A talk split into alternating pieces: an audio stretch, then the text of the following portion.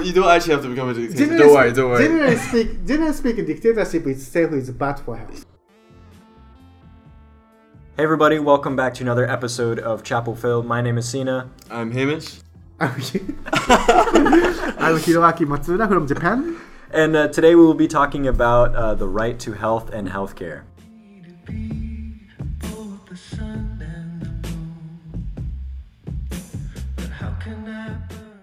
What's particularly interesting to me is how human rights is a very philosophical idea. That, Yes. like, intrinsically, we have certain rights. And my, my first question is when we approach these questions philosophically, and it's okay if you don't have a philosophical background with this. Okay, When, when um, we claim things like we require a, a right to health or to the environment or to welfare, Mm-hmm, should we take into into consideration studies like this that show that you know the rights actually do matter when we implement them, or should they just matter on their own?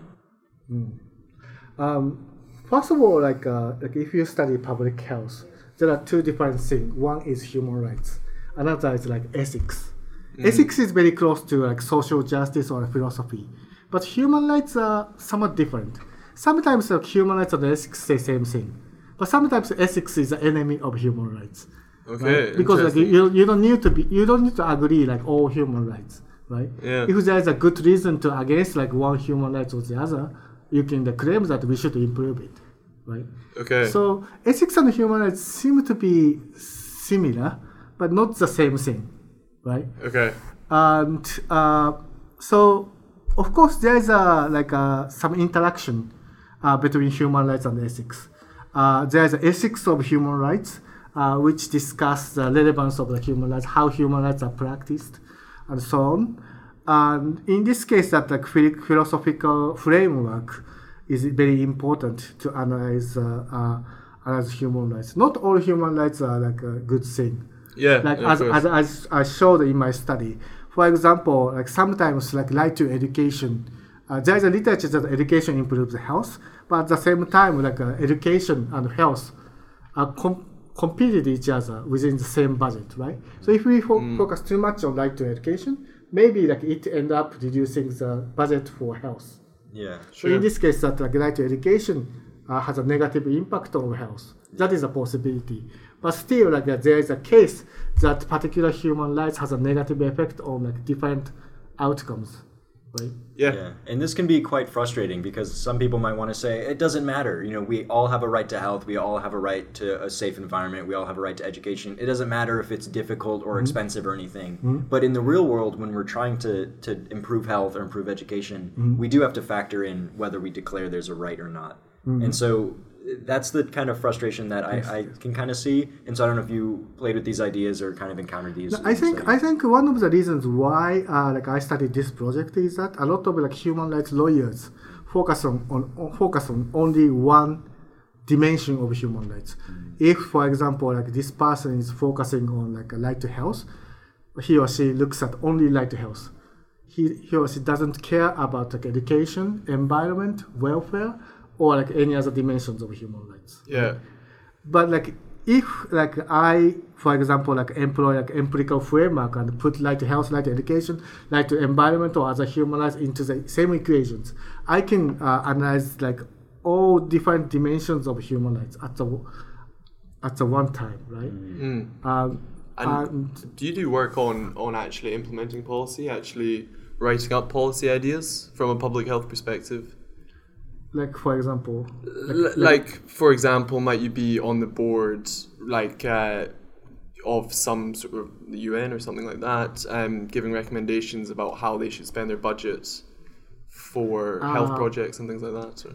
I think I I didn't work on that dimension, but I worked with UN, like for example, like violence against women, uh, which is related to human rights issues. Child abuse, I worked a lot, and uh, right now, like I'm working with the United Nations World Tourism Organization, and I'm interested in like uh, let's say like medical tourism. And for example, like some in some countries, abortion is uh, uh, prohibited by law, right? So like uh, to get abortion, they have to travel from one country to the other, right? So travel is t- travel is a method to access to the human rights. Yes. uh, at least from the notion, Western notion, human rights. So yes, there's a there's a I have a I have a like some some experience uh, uh, in the field of policy, and but like I'm not sure whether uh, like my work is related to let's say like increasing government budget on health Sure, or not. sure. So It, yeah, it's more it's more theoretical, and then other people will draw from your work. I'm- Mm-hmm. But I'm in sure. case of the United States, like I, uh, when I was a doctoral student, I worked on uh, the law called Emergency Medical Treatment and Active Labor Act. Do you know this? no, actually, no. So, uh, first of all, uh, unfortunately, uh, according to the U.S. Constitution, you guys have no right to health or health. right, right, yeah. on purpose. okay. And uh, even worse, uh, according to the common law, uh, physicians has a right to refuse to treat patients here Interesting. because according to the common law, like uh, the the relationship between uh, the formation of the relationship between physicians and the patients are based on the business contract. So you you need like a mutual agreement. So let's say like if you want treatment, but the physician say no, I, I don't want to take you because of probably insurance, because of you, you don't have money, or because probably he wants to see wants to watch the TV program, um, but he can, right? Yeah. Then uh, in the United States, uh, before 1986, there was a problem of patient dumping. And uh, in, if I remember it correctly, in 1985, uh, there was a pregnant woman in Chicago, and she was rejected by hospital, and she gave a birth in the station. wow. And because of that, uh, there was a federal law called Emergency Medical Treatment and Active Labor Act. So in case of emergency, the, the hospital has to accept this patient and at least stabilize the condition of this patient. Interest. Yeah. So tying it back to the, the earlier discussion about rights, then that's some sort of like an emergency right, Right. for the consumer Right. of healthcare Right. in specific circumstances. But generally speaking, it's it's the physicians you were saying the the health givers that have the rights in the US. Right, right. Yeah. So before ACA, a lot of people didn't access to healthcare, right? Yeah. Uh, a lot of people, uh, uh, especially the uninsured people, and they could only access to the emergency department, right? And uh, but this law is actually very controversial um, because first of all, uh, well, it's necessary because otherwise they couldn't access to the healthcare and they will be died, right? Sure. It's Sure. Uh, so that's of course important. that might even be a controversy here. I don't know. but at the same time, like first of all, it's unfunded mandate. Yeah. So hospital has to pay if the patient cannot pay, Right. right? Yeah. And also there's an issue of like uh, emergency department overcrowding. Yeah. So there was a discussion whether EMTALA like saved the the patients effectively or not. And in my in my, disserta- in my dissertation, I tested the hypothesis whether EMTALA saves the life of the people, and EMTALA increases like a overcrowding problem or a financial problem to the hospital. And I basically found that EMTALA is good, and Yeah. there's no bad dimension. And I uh, use because uh, even before the EMTALA in 1986, um, a lot of states had anti-patient dumping law statutes. Uh, the most extreme one was uh, Texas. And in Texas, I think if you refuse the patient, and if the patient was died, and you will be sentenced up to 11 years in prison or something like Wow. that. So it's much heavier than the um, um, EMTALA imposed. Yes. And in that state, probably there was no effect of you know EMTALA, but like other states didn't have any um, um, anti-patient dumping laws. And for example, Illinois has like anti-patient dumping law, uh, but it says probably uh, the penalty is five hundred dollars per person or something like that. So it's Right, quite. Even okay. if they die. Yeah, so it's quite cheap. So it could Cost be of wa- life. it- yeah, it could be like eh, five hundred dollars. yes, so there's a lot, so there's a lot of variation uh, between So states. is the thing So- that you were working on, the policy you were working on, is, has, has that gone some ways to standardize across the states the same law? That was a federal No, law. did I, you I try or- I try to estimate the impact of federal law, but to do this, like I found the effect of uh, well, I, I found the state that probably the the federal rule like affects a lot, like Yes. like Illinois or like the states without anti-patient dumping laws, Mm. and the states uh, which is not affect, uh, affected by uh, federal law like in Tara, uh, like Texas because Texas has a, like a even stronger law. Yeah. Uh, theoretically, there was no uh, impact, right? Oh, right. Yeah. So I tried to uh, use this kind of variation to estimate the impact. Yeah, so you mentioned this in, in your presentation, but for our listeners, th- while we're talking about this comparative um, idea, why are some countries more likely to have this right to human or to, to healthcare or health, and some countries aren't as likely? Um, so, I, so I think I should start from the history of right to health and healthcare. And uh, as long as I know, the first first country which adopted the right to health and healthcare in national constitution was Soviet Union in 1936 by Stalin. Interesting. And before that, there was a notion of a right to health in the world. And uh, probably the first one was uh, at the time of, um, uh, um, I think it's called uh, uh, Civil War in Paris long time ago. Uh, French Revolution at the time of French Revolution. So uh, basically at the time the right to health was a very bad thing. Uh, the revolutionary physicians said you have a right to health or health care. So even like you attack people and you're injured, we treat you. So let's go and attack. that was that was the first probably usage of a right to health and health care. And after that revolutionary like seized the power, they started thinking right to health is very or right health or healthcare it was very expensive. So they removed from the constitutions. Sure. Uh, Originally there was a, a, a provisions in the draft, but they remo- intentionally removed it because it was expensive. Interesting. but uh, you know the, there are a lot of different revolutionaries. Uh, for example, uh, the Mexican people, like uh, at the time of Mexican Revolution, uh, they succeeded this idea from uh, French Revolution, and they also said the similar thing. Uh, Attack people, and if you get injured, like I will treat you, Wow. right? And but after the uh, but but after they seized the power, and they just removed from the national constitutions. So at the beginning of the history, right to health or healthcare is very close to or connected to the revolution, right? Yeah. But these revolution people wants to have good soldiers, Yeah. But they they don't have intention to treat people for free, Okay. especially in the peacetime, right? Right. And uh, I think the Soviet Union was the first country which provided like free healthcare to the people at the time of uh, revolution. Yeah. And uh, in 1936, the Stalin uh, introduced a right to healthcare into national constitution. The reason for this is quite simple. Uh, the, his propaganda was that uh, you know the Western countries they have a right to politic, po- right, right to uh, civil rights, political rights, and so on. Mm-hmm. Uh, but you guys have a rights which uh, they didn't have. Yes. Like for example, like right to education, right to social security, right to healthcare, Yes. and so on, right? It's not necessary that you know the the people have that, but at least it's written in the constitutions. Sure. And uh, so this was the first step that right to health or healthcare, actually health, right to healthcare, showed up in the national constitutions. And before the Second World War, the the Soviet Union was the only country which had a right to healthcare or health in the world.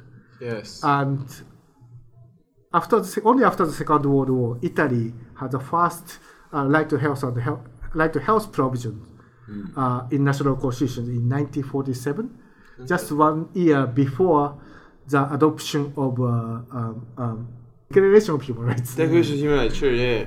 So I sometimes forgot the name in, in English. So Yeah, no problem. Perfectly understandable. And that's does that do something with healthcare? The the Decla- Universal Declaration yes, of Human Rights. It does. yes. Okay. Okay. Uh, that was because of the influence of Soviet Union. But in the in the end, actually, Soviet Union quitted from this kind of declaration.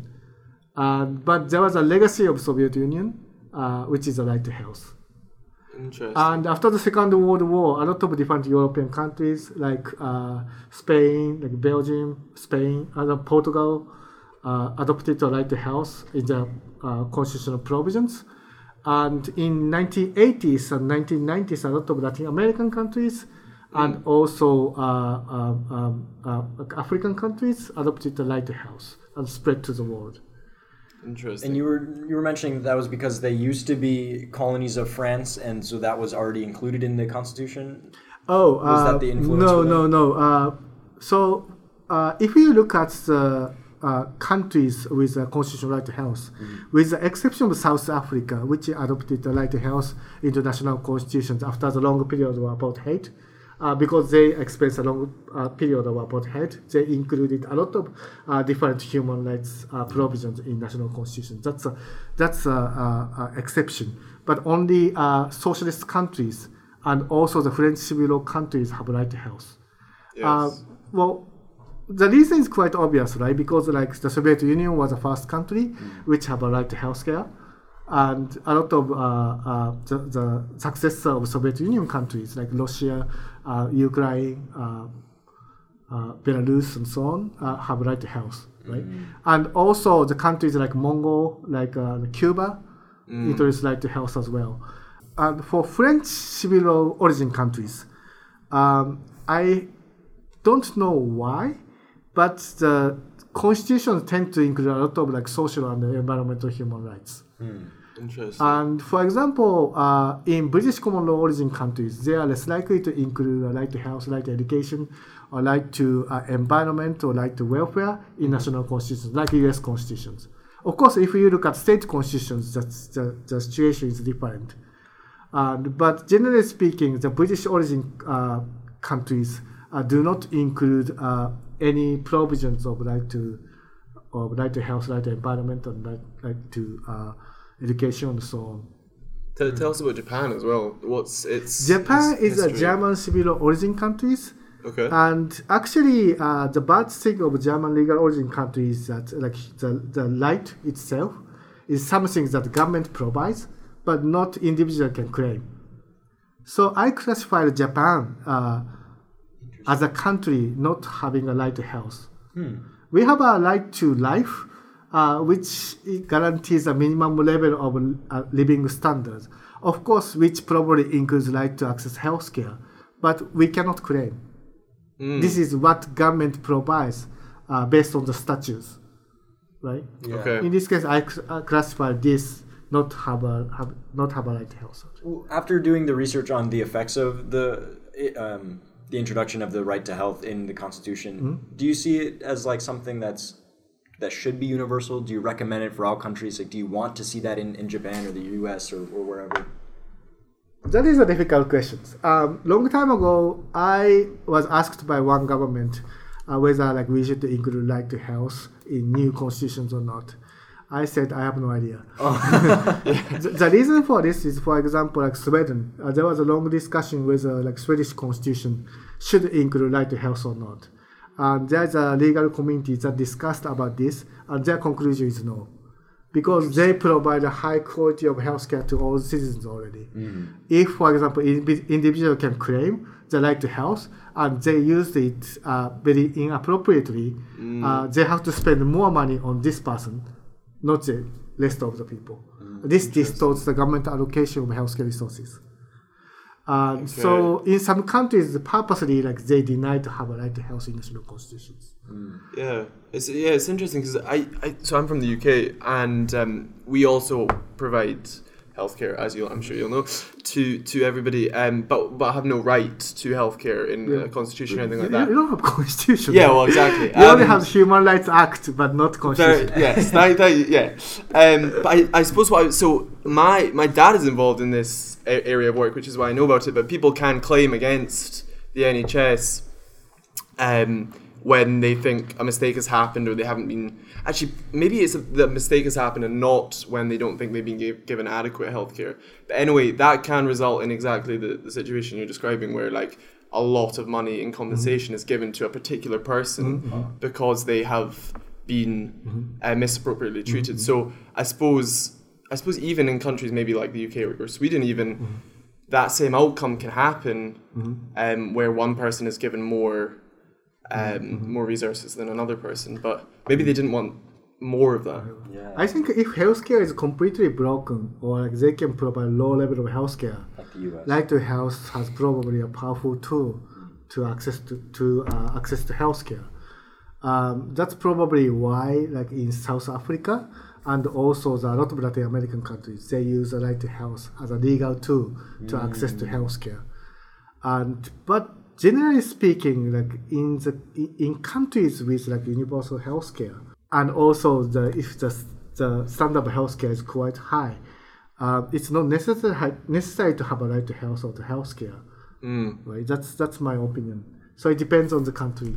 Interesting, interesting. Yeah. So it, it, at the end of your study, you found that the the introduction of the uh, right to health and uh, including all the other factors of the health to or right to environment and welfare and, and so forth help the poor mothers and more specifically infant mortality. Right. So w- when they introduced these things into the Constitution, is that the goal or was that sort of a, an accident that it only helps or primarily helps infants of, of poor mothers?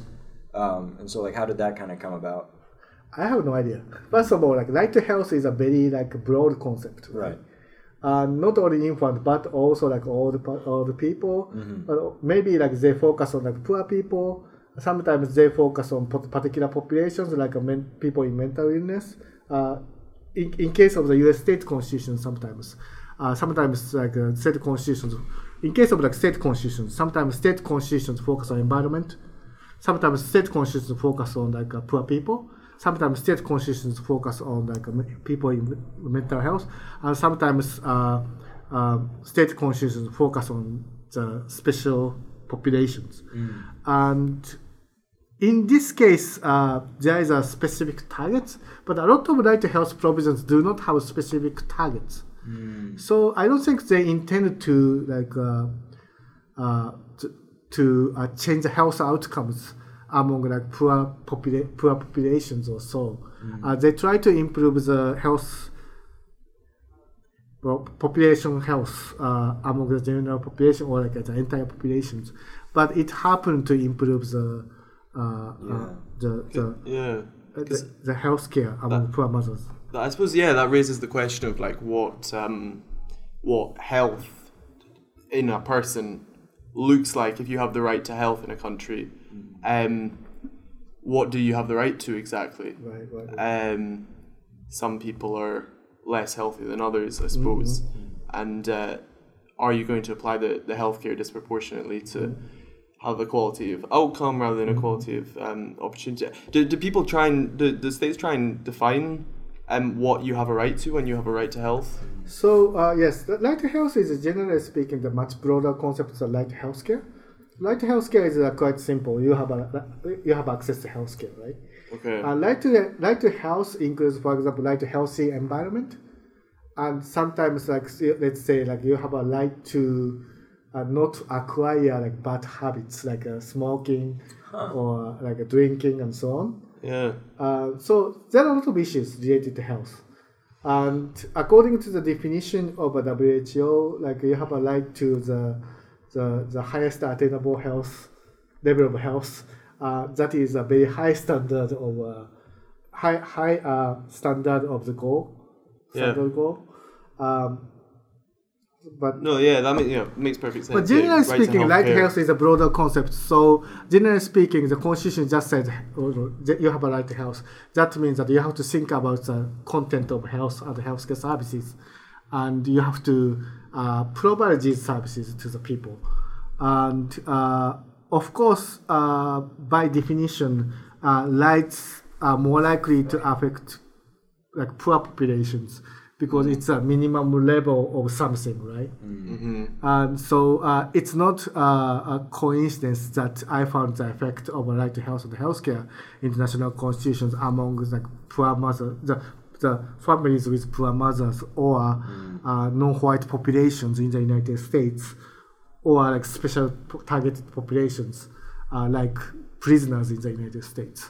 Uh, so um, yeah, Yeah. um, it, there, there's, I, I, I believe that there was no original intention, Yeah. but they improve. They are more likely to improve the uh, population health among uh, vulnerable populations. Yeah, because currently the idea of universal healthcare in the United States is a very political problem. Right. Because people aren't generally worried about you know those who have the wealth and the resources to access Mm-hmm. healthcare. It's about the people, the populations that you particularly studied that don't have access Mm-hmm. or don't have consistent access or can't afford the access. And so right now it seems like it's it's more of a political framework. It's not like a a broad people have the right to access healthcare or or health, the right to health. It's just like we need to help these populations, and then this is how we can do that.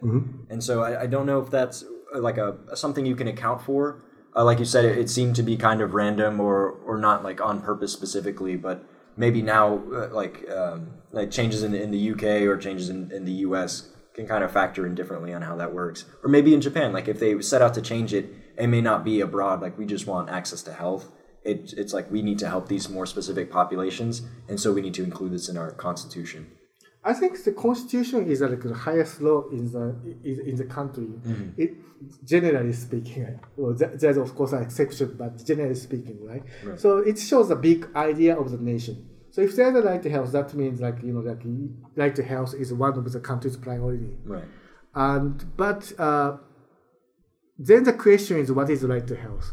And it should be determined by like, legislations. A lot of like health system is determined by uh, health, the legislations level, which is below the level of constitution, right? So the the content of health or content of like right to health is should be determined by the level of uh, legislations, and not the level of constitutions. Of course, uh, in some countries like uh, India or Cambodia, they have more than 400 provisions. And so uh, they sometimes like include a very specific provisions.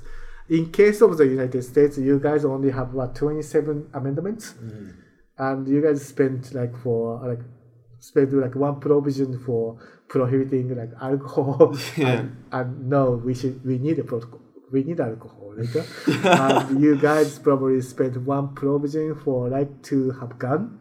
Yeah. yeah. Uh, and you have to create a lot of different human rights from uh, First Amendment, you know, equal protection, due process, three of them, right? Yeah. Yeah, yeah. Have you have you been keeping up with the Democratic primaries? Like all of the different candidates, uh, you know, a large part of their platforms are their plans for for healthcare and, and stuff like that. No idea. No you don't. idea. Yeah, I I Because I I, no do, I wouldn't want to this in the way in anyway. States, yeah, so- yeah, yeah. Yeah. Okay, okay. Some say they want to keep private healthcare and then add uh, a portion of the U.S. government, like federally, so that if you can't afford private healthcare, there's always a public option. And then some want to get rid completely of private healthcare and there just be a public option. And so, do you, have you looked at uh, the difference in that with, with countries, whether they, they offer private and public like the UK or just public like in those Nordic countries? I think um, like if you look at like OECD countries or like the, the country with a successful healthcare system, a lot of people like probably uh, finance uh, healthcare system uh, by using either the government general spending or um, social social insurance. So government involves a lot. Uh, the exception is probably Singapore and the United States, but Singapore is a very small country. Uh, they have a like system of system called medical saving account, right? So like they work and they get salary, and they, there's a system of like mandatory saving. So you basically accumulating uh, the money to the saving account, and if you become sick, like you spend money from the from the account.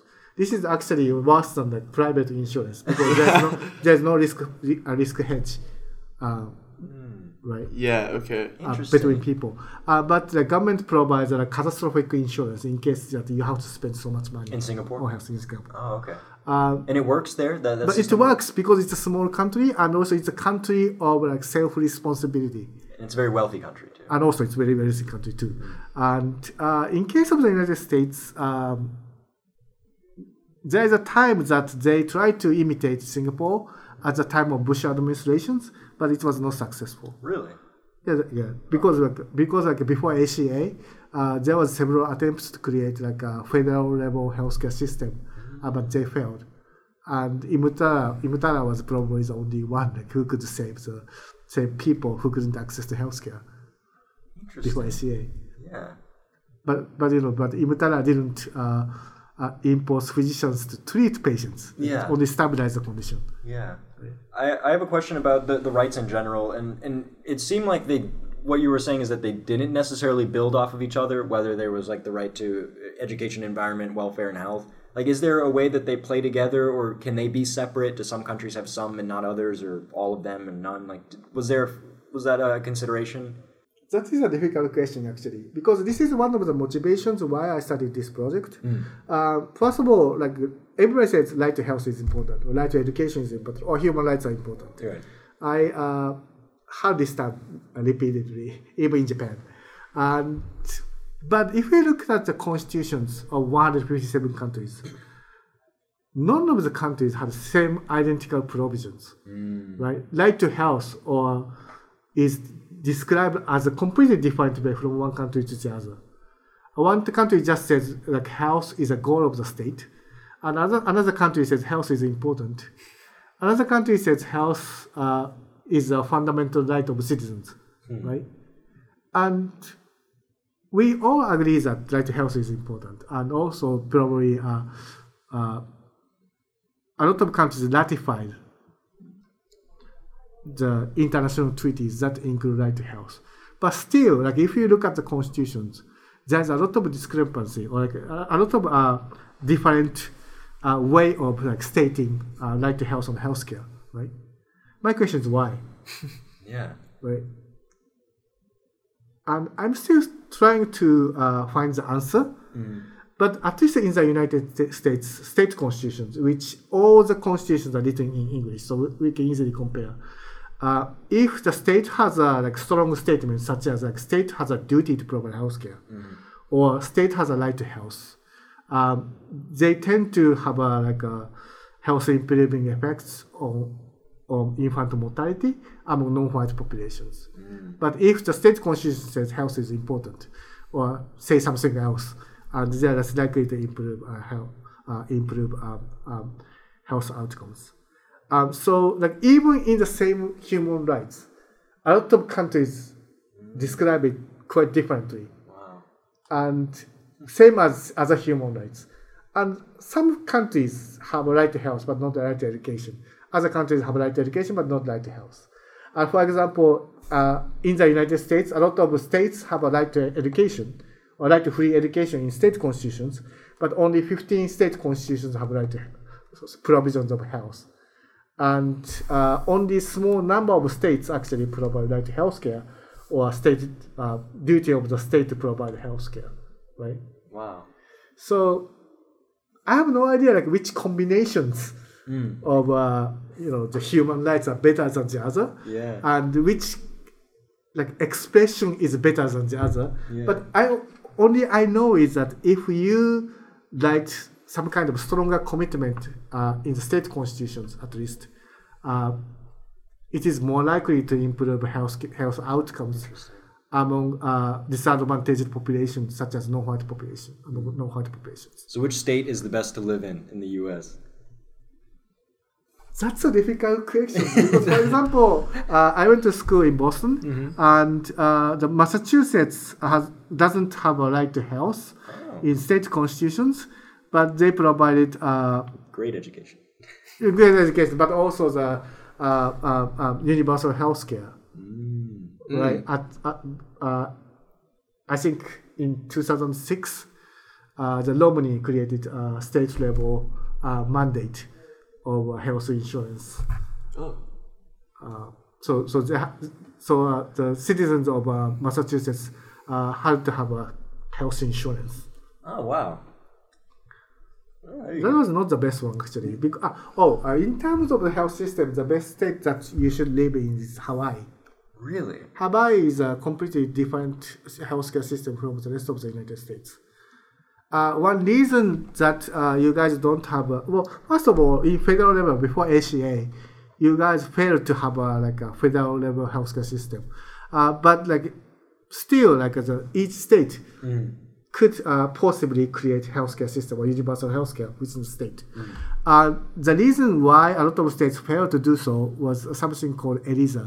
Uh, this is this was originally uh, the law uh, which prohibited the state intervention on uh, uh, on uh, like fringe benefit uh, which is uh, uh, uh, the, the some kind of benefits that companies provide besides your salary. Right. Right, the health insurance is one of them. So because of the uh, like ERISA, uh, you basically like the state government cannot uh, like impose any restrictions on health insurance. But the only exception is Hawaii because Hawaii introduced Hawaii introduced like uh, their healthcare plan before the ERISA was uh, So in Hawaii, uh, like like like like Japan, uh, the companies pay a significant share of uh, the health insurance, even before ACA. Wow. And I think health coverage in Hawaii is probably, I I think it's it's it's around ninety percent, like even before ACA. So it was completely different country. Yeah. or different, uh, different, different from the rest of the states. Yeah, it's a good excuse to live there too. It's, it's a beautiful. Let's move to Hawaii because they have good healthcare. No other reason. Just just uh, just because they got good healthcare. What now on your on you in your role at, on the the World Tourism uh, Board? I, f- I forget exactly what the name is, but um, what kind of issue you mo- mentioned abortion earlier and um, and and health tourism and things like that. Is there other kinds of tourism that becomes? Oh, so, so basically, the World Committee of Tourism Ethics is an implementation body of a global code of tourism ethics. Okay. Uh, and it's a it's a it's a it's a independent in, independent independent body uh, within the United Nations uh, World Tourism Organization. But basically, like we implement uh, global code of ethics, uh, global code of tourism ethics. okay. And global code of tourism ethics is somewhat different from other international treaties or declaration because not only uh, countries but also the companies can sign uh, right. these uh, declarations. So, for example, if there is a violation of global code of ethics by country, countries or probably the companies, uh, basically like we can uh, uh, tackle like this kind of problems. Interesting. And uh, tourism ethics is uh, very difficult and also the very broad Yes. uh, areas. And also the, it's very new field, which are not so many, even not there are not so many textbooks. Yeah, uh, of course, In the, yeah. Mm. uh, in, in, in the tourism ethics. Uh, but the, the central part, the, the, the, the core idea of uh, global code of ethics is right to uh, tourism. Because people have a right to access to the particular place and enjoy the sightseeing also. And sometimes, for example, tourism is crucial for accessing to uh, uh, like human rights, Right. and especially like uh, let's say, for example, if country in the coun- the for the people in the countries uh, that uh, like abortion is restricted, like you have to travel to other countries, right? And if the right to tourism is denied, then they cannot access to the uh, uh, to the service. Yeah, interesting. I'm, I'm presumably there is a flip side of that though. That I mean, tourism can also maybe in, infringe on people's human rights, often in, in host countries. You know, there's there's like over tourism now. Right, it's right, talked right. That is talked true. a That lot is about. true. Yeah, um, places like Venice or Yeah. or Edinburgh Like come in- come to mind. Like environmental degradation or Right, anything. right, right. Yeah. Yeah, there are a lot of this kind of problem, uh, espe- especially uh, like uh, uh, like sustainable tourism is one of the agenda uh, in the field of tourism. yeah, Like cruise cruise lines are terrible. It's- They, it's they're terrible, so yes. bad. Yeah, they just emit. They just dump trash. They emit so much uh, greenhouse, so many greenhouse gases, and so much, and Mm-hmm, and then they go to these really small islands in the Caribbean, and then they like they increase the per capita emission right, so right, right. much. So Yes, there's a there's a pros and cons like in, in, in, Yeah, in the yeah. field of tourism. Uh, but like, like recently, like I'm more interested in uh, the phenomenon called last minute tourism. Have you ever heard this term? no, no, So last so last minute tourism is a very uh, actually uh, I should say clever. And so uh, for example, uh, uh, uh, like Venice uh, is uh, is is in Italy, right? sure. Um, because of the global warming, It's- it will be under the sea. yeah, yeah. And so so does uh, Tuvalu uh, in the in the island in the Pacific. okay. Uh, they will be disappear in the future, right? yeah. So last meet tourism says because they will be disappeared, you should go now. Right. Okay. So actually, the number of tourists in these regions actually increased recently. That's ironic. decreased. Yeah, that's funny. That never happened with the um. Like like a Great Barrier Reef in Australia. I was about to Yeah. say, yeah. It was disappear. It will be disappear sometime soon, right? Yeah. So you have to go now, Oh, of Yeah. course. right? So this is actually bad for environment as well. Right. Yeah. Yeah. Book your cruise now before before it destroys everything. But at the same time, like if you can finance cleverly, uh, probably that they can protect the environment. Mm. But if uh, they don't, Mm-hmm. you know, it just accelerates the deterioration of the environment. That's Yeah. it. What is uh, what is this board saying about the recent outbreak that came from from Wuhan, the recent coronavirus? What what are they I, I, th- I think until quite recently, uh, they didn't focus on health issues, Mm. and I'm probably the only one who has a background of health oh, really? and become a, a world, uh, the mem- become a member of the World Tourism of Global, uh, uh, sorry, World Tourism, World, sorry, World Committee of Tourism Ethics, um, because we are on, we only have like eight members and one chair, so so we only have like nine members. A lot of people uh, like experience like in the field of tourism for a long, long time wow. Okay. and I'm interested in tourism, but also like I'm interested in public health. Right. And uh, probably in the next uh, few years, I well at least like I want to uh, put uh, take this agenda. Uh, the concerns of like public health and tourism into the agenda of the uh, uh, World Tourism World Committee of uh, Touri- Tourism Ethics. But before that, probably it was not a big issue, Yeah. or at least it was more more like an issue of WHO. Right, right. WHO. Yeah, because right now you know, cities in China are being locked down. People are Right. as soon as someone travels from China, they're being scanned and, and interviewed and everything. And so there's this this idea that the, the tourism is being affected, Right, like the ethics around it. There's a it's a special case. There there might have to be special regulation or or, Mm. Yes. Mm-hmm. or pathways for, for ways to deal with this. So Yeah, there is a conflict between you know, public health and also the tourism field. right. and uh, right to health is of course of course important and but at the same time right to tourism is also very important Yeah. and for example like japan is located near china and uh, because of the restrictions uh, the, the, the, the tourists from china was uh, reduced significantly is- was reduced significantly in recent days, and so it damages uh, the local economy in Japan. Right. Of yeah. course. of Yeah, course, especially yeah. with the Olympics coming up in 2020 Right, right, or th- right. this summer. You know, who knows what's going to happen um, with with people flying around and, Mm-hmm. and so. Yeah.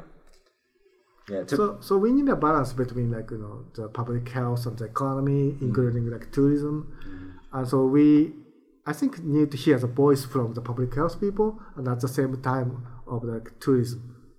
Yeah, and yeah, you're in a, a great position to help facilitate that Yeah. dialogue. by between the- accident. By accident, yeah, happy accident, you know. to uh, to bring it back to, to your research, I, I'm wondering why we why these countries even need to declare a right to, to health. So what what are the barriers that allow that that these declarations allow these countries to overcome? Like who's stopping you know the access to healthcare? Like why, why do we need to declare there's a human right to, to health or healthcare?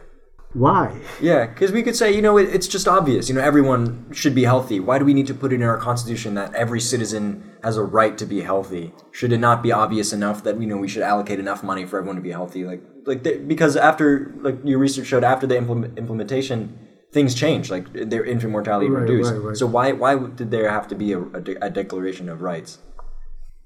I think um, the reasons why like some countries do not want to have right to health or healthcare was well we already talked about it in, in case of Sweden right? Uh, basically they talked about uh, uh, the issues of right to health or healthcare in, in constitutions but they denied that because they already provide high quality of healthcare and right to healthcare probably provides too much power on like particular individuals and they claim uh, probably they could they can claim uh, their right to health or healthcare, but it costs a lot for these peoples, but not, not, not beneficial for the entire population. More, yeah, more peculiar to me even is like the, the, the idea of a right to tourism because um, uh, it seems more intuitive that, that somebody would, or uh, a group of people would want to give you a right to healthcare, but you know, historically speaking, very very few people ever traveled up until very very, recently, um, and even now it seems a bit uh, like a privilege and, and not so much a right. And I, I understand totally where you're coming from, where tourism can can overlap with other important rights like health uh, in the abortion case. But do you think there should be a right in and of itself for tourism, um, which is not instrumental for other rights? Like you know, why why do you think that right people tourism. is Why yeah why why do you think that's important? I think I think it's natural to believe that you know the people have a right to move a lot of different places, right? And so, for example, like you cannot access to particular service, like even it's not related to like, hu- other human rights, uh, you can probably access in other countries, right? So this is probably one of the reasons why you want to uh, travel different locations, and so uh, I think the right to move, right, right to free movement itself is a very important like cons- human rights. And uh, if we have a like right to movement we can access a lot of different services and a lot of potential Yes. uh, by uh, ourselves. So um, I think that's the issue. No, uh, that that makes Yeah, perfect sense. Well, I suppose we'll have to think about transportation with the, the environmental crisis. of course, Yeah, yeah. of course right to tourism is sometimes like considered to be a like like privilege Yeah. and in fact like some people said wow is t- t- tourism appropriate for the human rights and that is a relevant uh, question Yeah. Uh, but in case, well, at least to me, that is a very important uh, concept because you know, like you can access to the services like outside of your countries. That's probably increase your probability that uh, your human rights are protected. yeah. I see that. Yeah, this this idea of privilege is interesting because I've heard arguments that say, "Oh, everyone should travel." You know, maybe the government should should give money for everyone to, to go travel, take a trip because if you go on a trip, you learn new things and you see beautiful things and you or you're happier and you're more relaxed. But there is this idea of privilege, like maybe you know, a right to tourism is not as important as pushing for a right to healthcare or a right to education. And so, I mean, we can say there's benefits, but do you see this kind of privilege being a problem for for tourism ethics? I, I don't know whether it's too privilege or not. I mean, mm. I mean, right to health, for example, can be considered as privilege rather Right. than the right. Mm-hmm. Um, but obviously, for some people, it's a right rather than a privilege. right. And tourism too, right? Mm. And one example was I already told you about the abortion, and that actually happened even within the United States.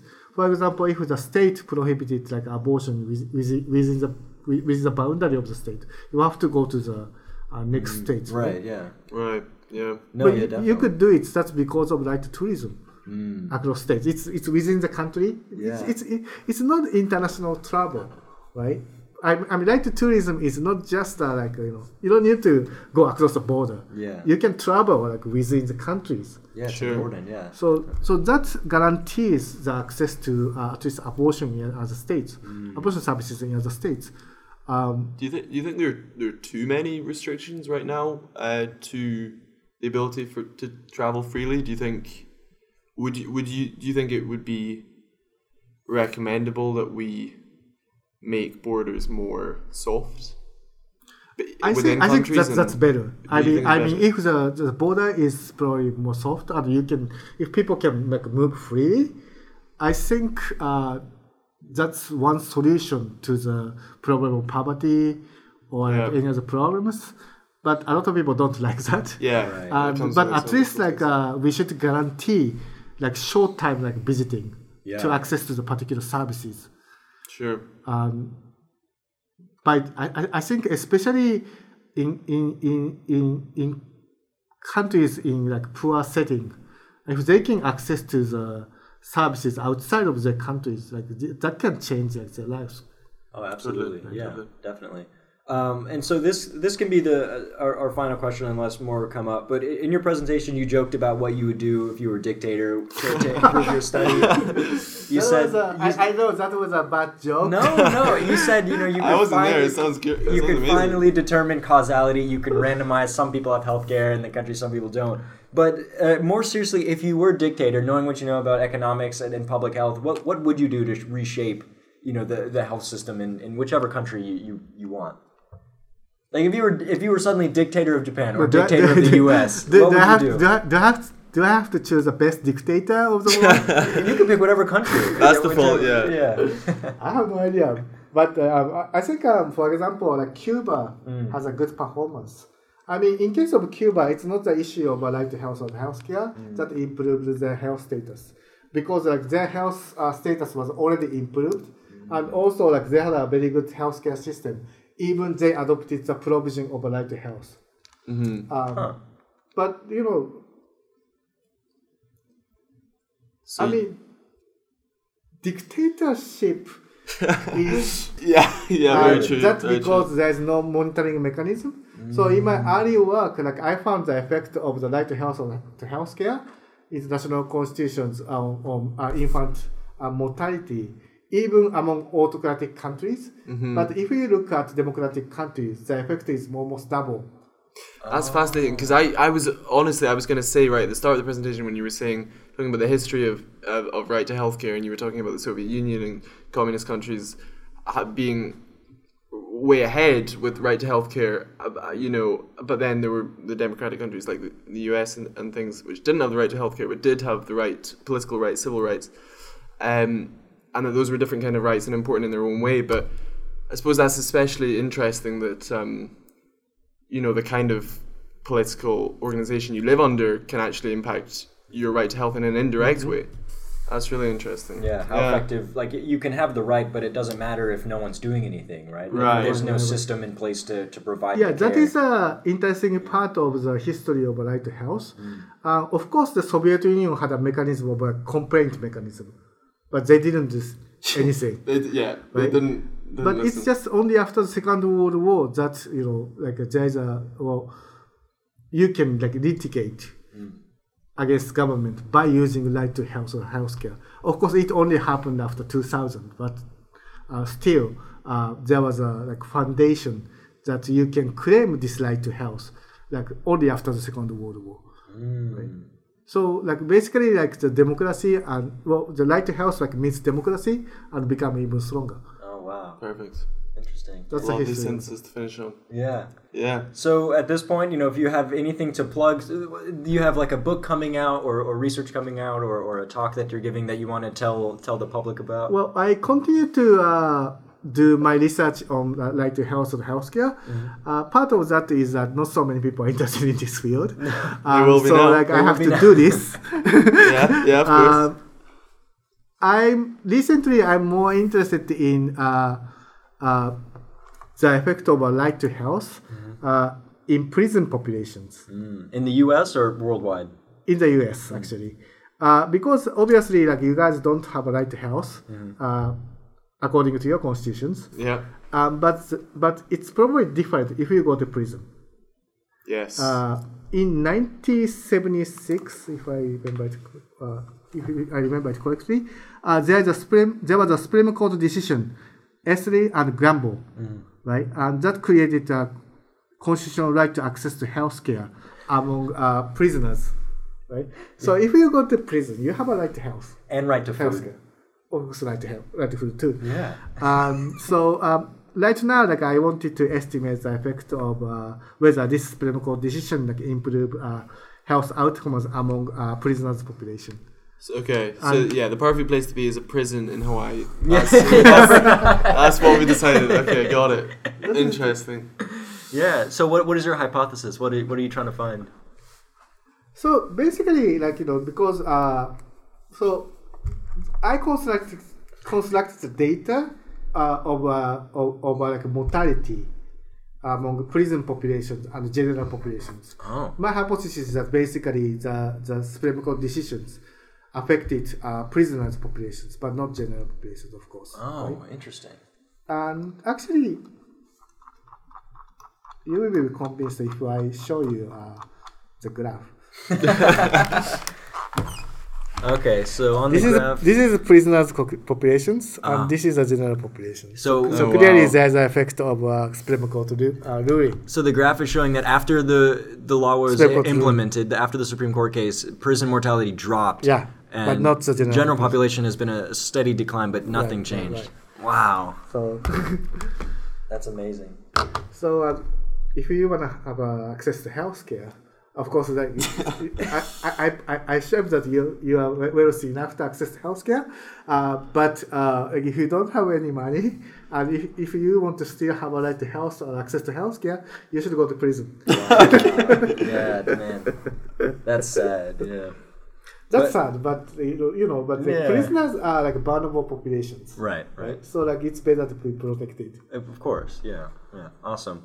Well, thank you, Dr. Matsuura, for, for being with us on Chapel Phil. My name is Sina. My name is Hamish. My name is Hiroaki Matsuura, and thank you for listening. thank you. Thank you. Bye-bye. Thank you.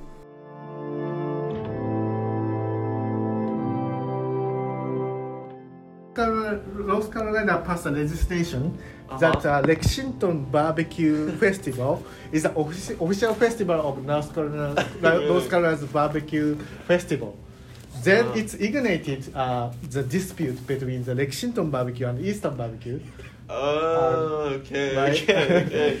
So we got to find out which one's better, right? Yeah, yeah, And you're going to let us know? Okay. Yeah.